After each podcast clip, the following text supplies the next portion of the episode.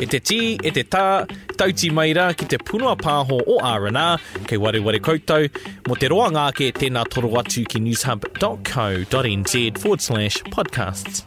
Kia ora tātou, welcome. This is the R&R podcast. Don't forget you can check out newshub.co.nz forward slash podcasts for more. Kia ora, ngau mai ki R&R. Ko māua ko Kaylee tēnei e pōhiri tia nei i a koutou ki tēnei o ngā hōtaka ara ko R&R. And our kaupapa today is about decriminalisation of drugs. And what better to have that kōrero with than the esteemed Kylie Quince from AUT. Ngā ora. mahara mai, kia ora.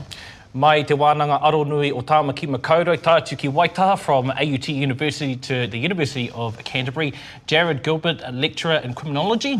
Tēnā koe e te rangatira. Welcome to the show. Thank you so much. Well, mātua pātai atu ki a koe. Let's get this kicked off before we can actually talk about um, matters pertaining to this taniwha.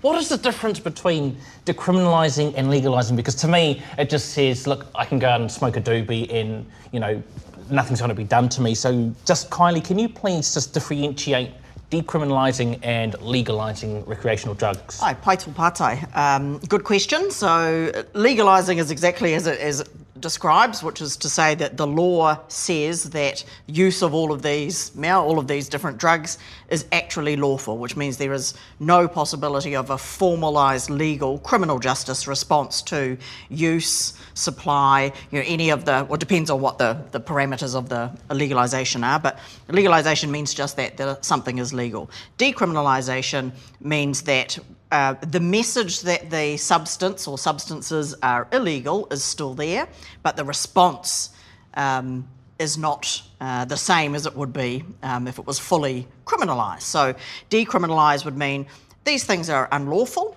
Uh, but the, the police or a health response can come and respond to your use of the thing. So it, decriminalisation is a halfway house, and I've got some things to say about, about what I think about that. Um, but so one is saying, yes, you can do these things. The other is saying, no, you can't really do these things, but if you do, you're not going to have the full weight of the law brought to bear on your use. If I was to break it down, so um, if I'm consuming uh, these uh, these drugs, then if it, if it was decriminalised, then I can't be done. However, if there are people supplying um, that are manufacturing uh, in, in, part of that process, then they can still get done. What, how does that work? Usually that's the case. So it depends upon the nature of your decriminalisation. So most decriminalisation regimes, so other jurisdictions where they have gone down that pathway, have drawn the line between use and supply.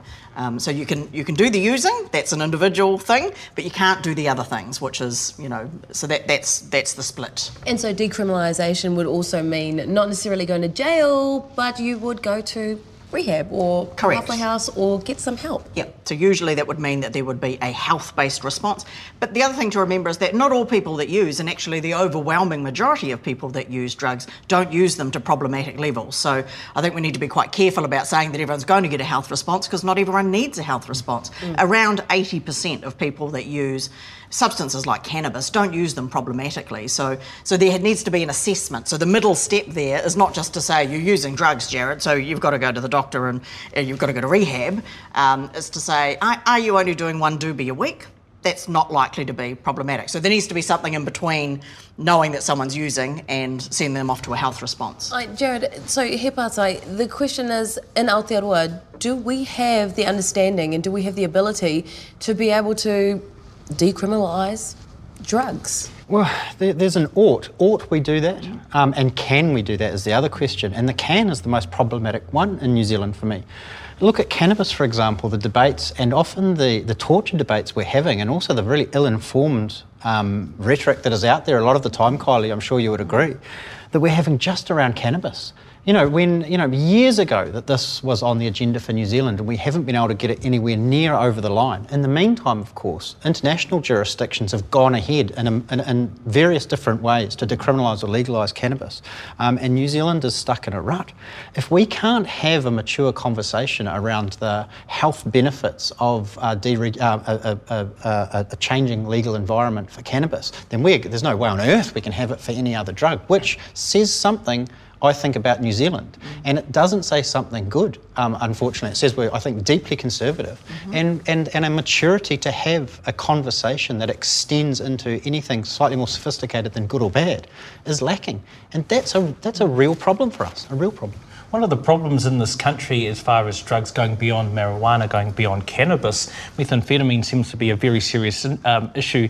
Around the time the police announced uh, that they'll be trialling the armed response teams, uh, the police minister Stuart Nash came out and actually said that he, he gave a rough figure of around $500 million worth of methamphetamine being implemented into the hapori, into the community by gangs. Tika, is there any truth to that?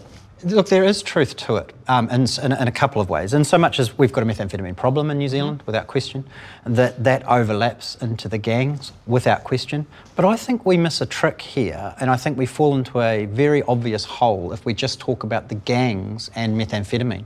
We should talk about organised crime and methamphetamine. Why? Because not everybody who wears a patch in this country deals drugs, not even close.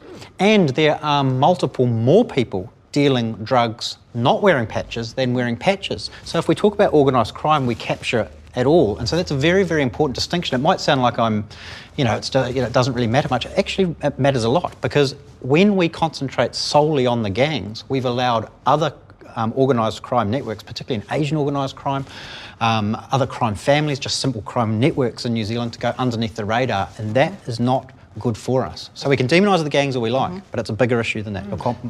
I guess as far as organised crimes go within um, the country, what does decriminalisation mean and how does this affect that kind of operation um, around drugs, around methamphetamine and around other um, Class A substances?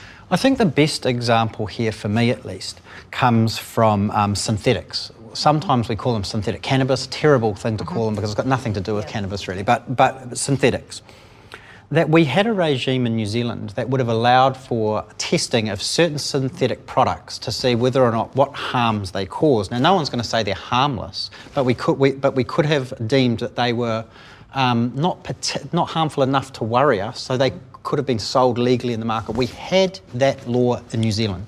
We took that away in a terrible moral panic in this country, which the Media Act, I've got to say, have had a, uh, had a bit to do with, uh, unfortunately. Um, and what has that meant? We've now got unregulated, unregulated products coming into the market that are literally killing people, literally killing people, and I might add, often the most vulnerable people in our community um, when it comes to synthetics. We, we had the policy right.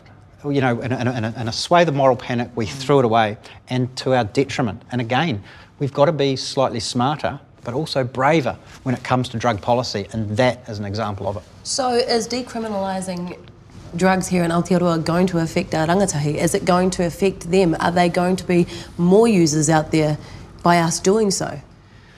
Well, it's a, it's a really good point because, because any of this debate ought to be about what causes the least harm, I think. Yeah, at least that's a significant mm. component of what, what causes the least harm.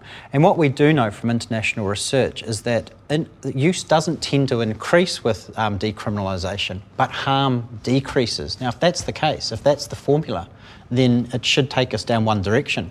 But unfortunately, rationality and logic in these debates doesn't tend to take centre stage. There are other harms too. So I think we've, we've been talking so far exclusively about the health related harms, but there are other harms that come with criminalisation and point. formal responses. And one of them is criminalisation of young people. Mm. We're talking about rangatahi Māori. So for the past 20 years, we're talking about cannabis. For the past 20 years in New Zealand, we've effectively had de facto decriminalisation, which is where the law still says that cannabis is unlawful the police have operated as if it is decriminalised, which means that most people caught with small, small amounts for their own personal use and possession have been sent away with a, a pre charge warning. The benefit of that discretion has not been granted evenly across the community. So, young people have been over criminalised, but more specifically, Māori have continued to be formally criminalised. So decriminalisation in terms of harms to rangatahi, harms to rangatahi Māori will be decreased. And if you think about all of the harms that come with criminalisation, yes. that come with the stigma of a criminal record, yes. that come with the restricted pathways that come through travel, employment, the numerous consequences that come with being labelled a criminal, mm. huge. But so that's a massive benefit for yeah, us. The effect that that also has on whānau and their financial abilities and those parental figures there that are either being affected by that decriminalisation as well. That's right. Removal of fathers from from whānau and communities. There, there are a number of different harms that come, not just health And related. even la- just the labelling of criminal, isn't it? You know, you, you, we're labelling these people criminal all of a sudden for, for an activity that the vast majority of New Zealanders have tried. Um, and yet certain parts of the community, Maori um, p- particularly, are being harmed by those, those policies. Uh, 2001, Portugal became the first country in the world to decriminalise recreational drugs. In the space of 10 years, well, they had a, they had a really bad uh, problem with heroin. Uh, kino ake te rā momo um, tarukino. And within the, within a decade, they had seen significant numbers of users coming down, all because they had decriminalised it. Kua, e hari te mea kua whakai, engari, kua noho hei here kore ne. So if we were to adopt that model here, what kind of numbers potentially are we likely to see? Of course, we're not going into um, the, the mechanics of how it would work, but what kind of numbers, what kind of decrease and what kind of numbers? He hanga kautenga ngā nama me ki, what would you So, so two decades of decriminalisation in Portugal has seen um, obviously the criminal justice response is gone. So in term that that number's just like you know that disappears once, once you get rid of a because once something is legalised, there's nothing the police can do in respect of um, personal use. So that's gone down. Overdoses have gone down.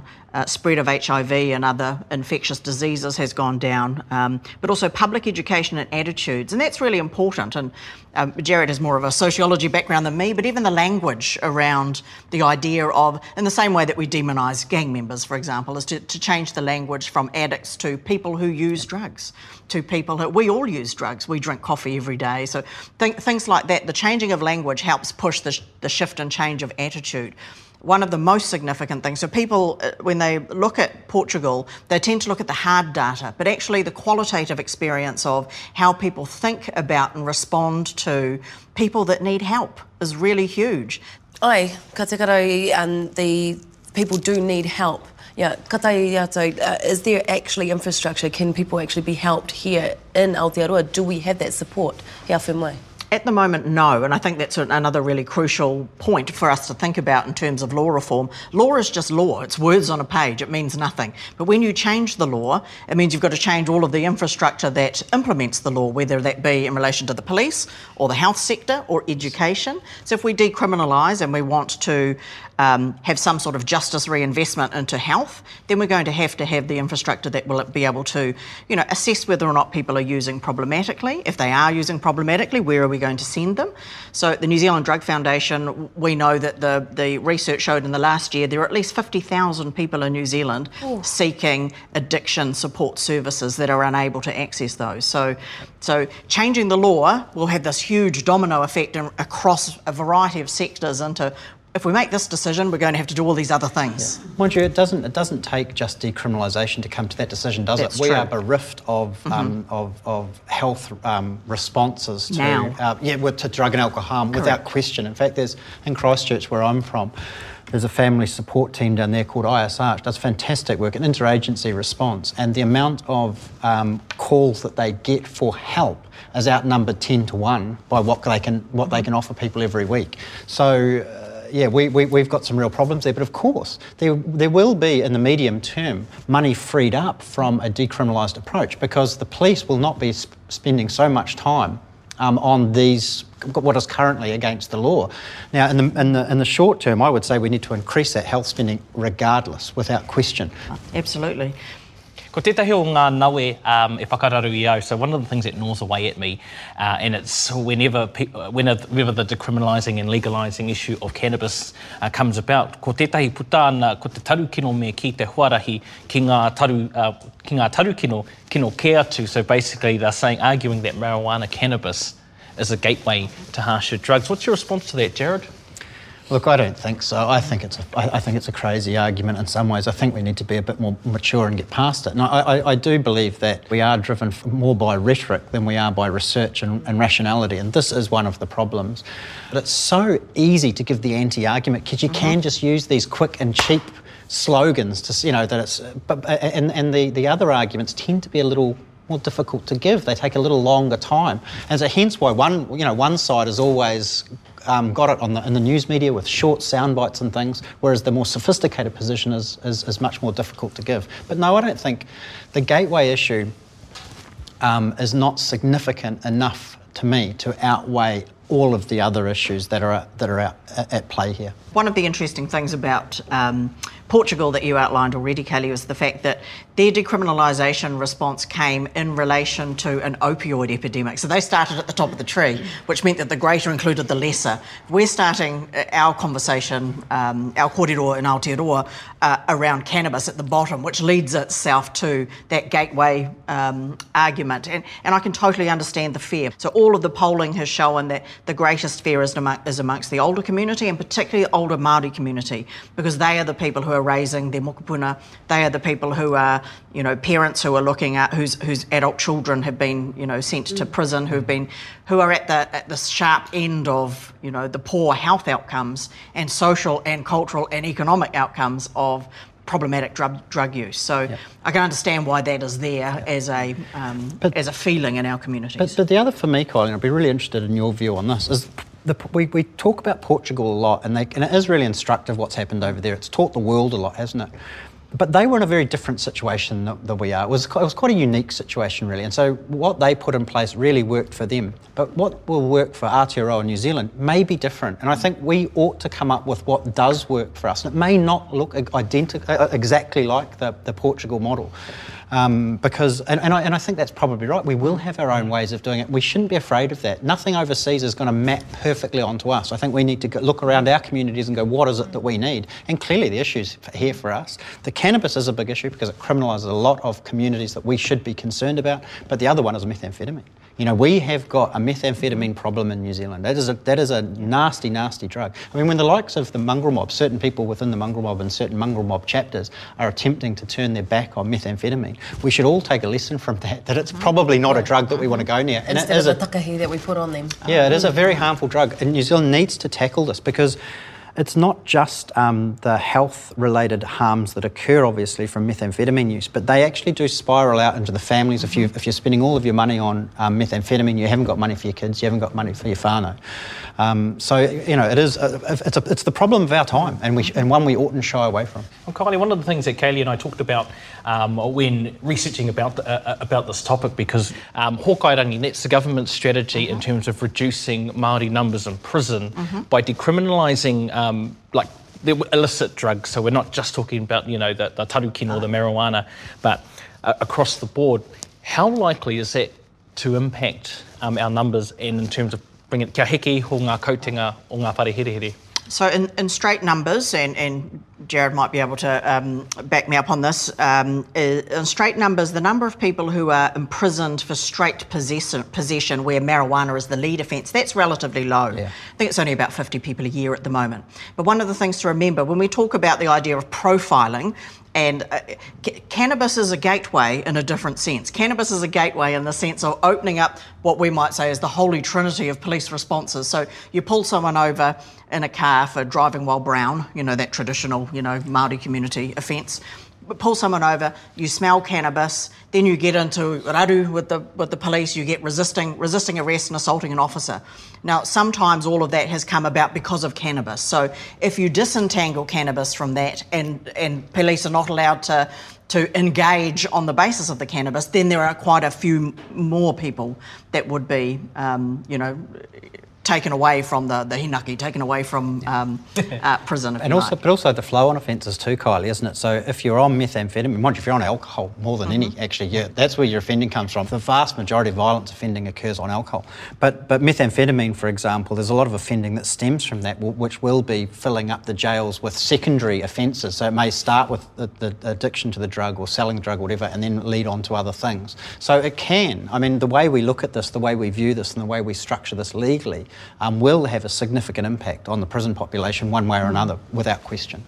You know, the war on drugs in America famously filled up That's America's right. prisons. Now, we're not in quite the same situation than that, but it's still instructive. But property and drug related offending, most people in New Zealand prisons, almost 10,000 people in New Zealand prisons. So most of those people are there for property and drug related offending. And a lot of that property related offending is actually connected to the drug trade in some way, some way or other. What about other drugs that have been banned in Aotearoa? Well, look, I think the most fascinating uh, example, probably actually, is when we um, took pseudoephedrine off the shelves. Now, pseudoephedrine being a precursor chemical to make methamphetamine, It's found in. uh, cold and flu tablets. Yeah, go. and so so so and so the government at the time said, well, these are being made to make methamphetamine. Here's a simple solution. We'll take these off the shelves, right? Which instinctively, I guess, makes sense. It's intuitive, but it had consequences that well, some of us actually did foresee, um, but the government certainly didn't. And what it meant was. Suddenly, local um, crooks in New Zealand couldn't make enough to um, feed the demand, and so they had to go international. Now, what this meant was that suddenly we opened up the international trade of methamphetamine, and so suddenly um, uh, Asian organised criminal uh, criminals, Mexican criminals, often going through the islands, which are not thanking us at all, by the way, uh, and so the consequences of this one policy to ban cold and flu tablets, which by the way were really useful for when you had a cold and flu. Yeah, uh, uh, uh, we banned that and we got something way worse. We didn't make a dot, we didn't make a dot of difference to methamphetamine use in this country because the demand was untouched. And when the demand was untouched, the supply just came from elsewhere and it meant that we linked into international criminals. So, so basically, what you're saying is if you eliminate one problem, another problem's going to pop up elsewhere. So theoretically, if we were to shut off the likes of the cartels, the triads, and international gangs, Well, they can have the same flow and effects in reverse. You know, so we can actually have really positive flow and effects down the. Th- this is exactly right, but this is what this is why it requires. You know, this this isn't going to happen um, easily. It requires really significant thinking, and again, this comes down to potentially a solution that fits Aotearoa, New Zealand, and the specifics of our country. So kia tiro tiro tātou ki tua looking long term. Um, if we decriminalise, if we get to a stage where we've already decriminalised drugs, what is our next step from there? Because it almost seems to be um, a focus is on getting it, you know, getting it past the line, but it almost seems like the first step. So where do we go beyond that? Is it looking into setting up our healthcare system? Because there's um, the like, well, I keep going back to Portugal, but Portugal aren't the only ones as well. They are identified as a health problem and not, a, you know, criminal problem. So long term, what's what's after that? What's after decriminalising? Well, the, the, the, two, the two keys here, really, um, regardless of the legislative um, agenda on the table, is, is the health response, so making sure that we can look after people in a way that's appropriate to them and, and, and put them back into being um, uh, uh, contributing members of the community and all of that type of thing, good mums, good dads, all of this type of thing, which have great flow on effects. And the other is education, of course. And that education tends to be a preventative type thing. It's about using drugs, if you're going to use drugs, use them in ways that are are, are less likely to cause harm, or in fact avoid them altogether. Um, so that, that education is just as important on all on all manner of level. And we do tend to, in the environment that we've got now, just tend to see it as a law and order issue. And if we do that, we've got we've got a bar stool which has got one leg, and it's, it's like the like the actual testing at the festivals, so that our rangatahi are safer. Yeah, but but again, I think this is again that, that you know the, the drug testing. It, you know, it's not necessarily an intuitive policy, but it's an incredibly important one. And I think, again, it's been a perfect example of how we can let, be let down by the political rhetoric here, because suddenly, you know, there's these um, there's these conversations of, of that it's going to change the world in the worst ways possible, when the evidence just is not there to support that. Ka pia te koha, they shut the door. I think the should- moral of all of those stories is that, and I say this as a lawyer, is that the law is a really, and the criminal law in particular, is a really poor way to control people's behaviour or manage people's behaviour. Jarrod's absolutely right in saying, irrespective of whether we actually make a legal decision to change, you know, our response to drugs, irrespective of that, all of the harms that we have now are in a, under a prohibition regime. So we actually need education and health responses, whether we change that or not. Um, if we do change it, we might need more of them because maybe more people will come out of the woodwork to say, actually, I need help. Um, But that would be a good thing. That that is would be a good absolutely right. And this is investment money again too, isn't it? Sounds a little bit cliched, but the money that we put into these things to, to, to help people out have dramatic flow-on effects throughout the community, which are incredibly valuable, not just through the criminal justice system, but for people's well-being. You know, for the well-being of family, for the well-being of whānau, for the well-being of communities. You know, healthy communities. Ai, well, kia ora mai tātai. Thank you very much for joining us here on RNR. Ai, ko ngā taru kino tērā, kino ai, puta noa i te ao, nā reira kia koutou noho ora pai, mā te wā. You've been listening to the R&R podcast. Go to newshub.co.nz forward slash podcasts to hear more. Kua whakarongo koe ki te punua pāho o R&R. Mō te roa ngāke, Tēnā toro atu ki newshub.co.nz forward slash podcasts.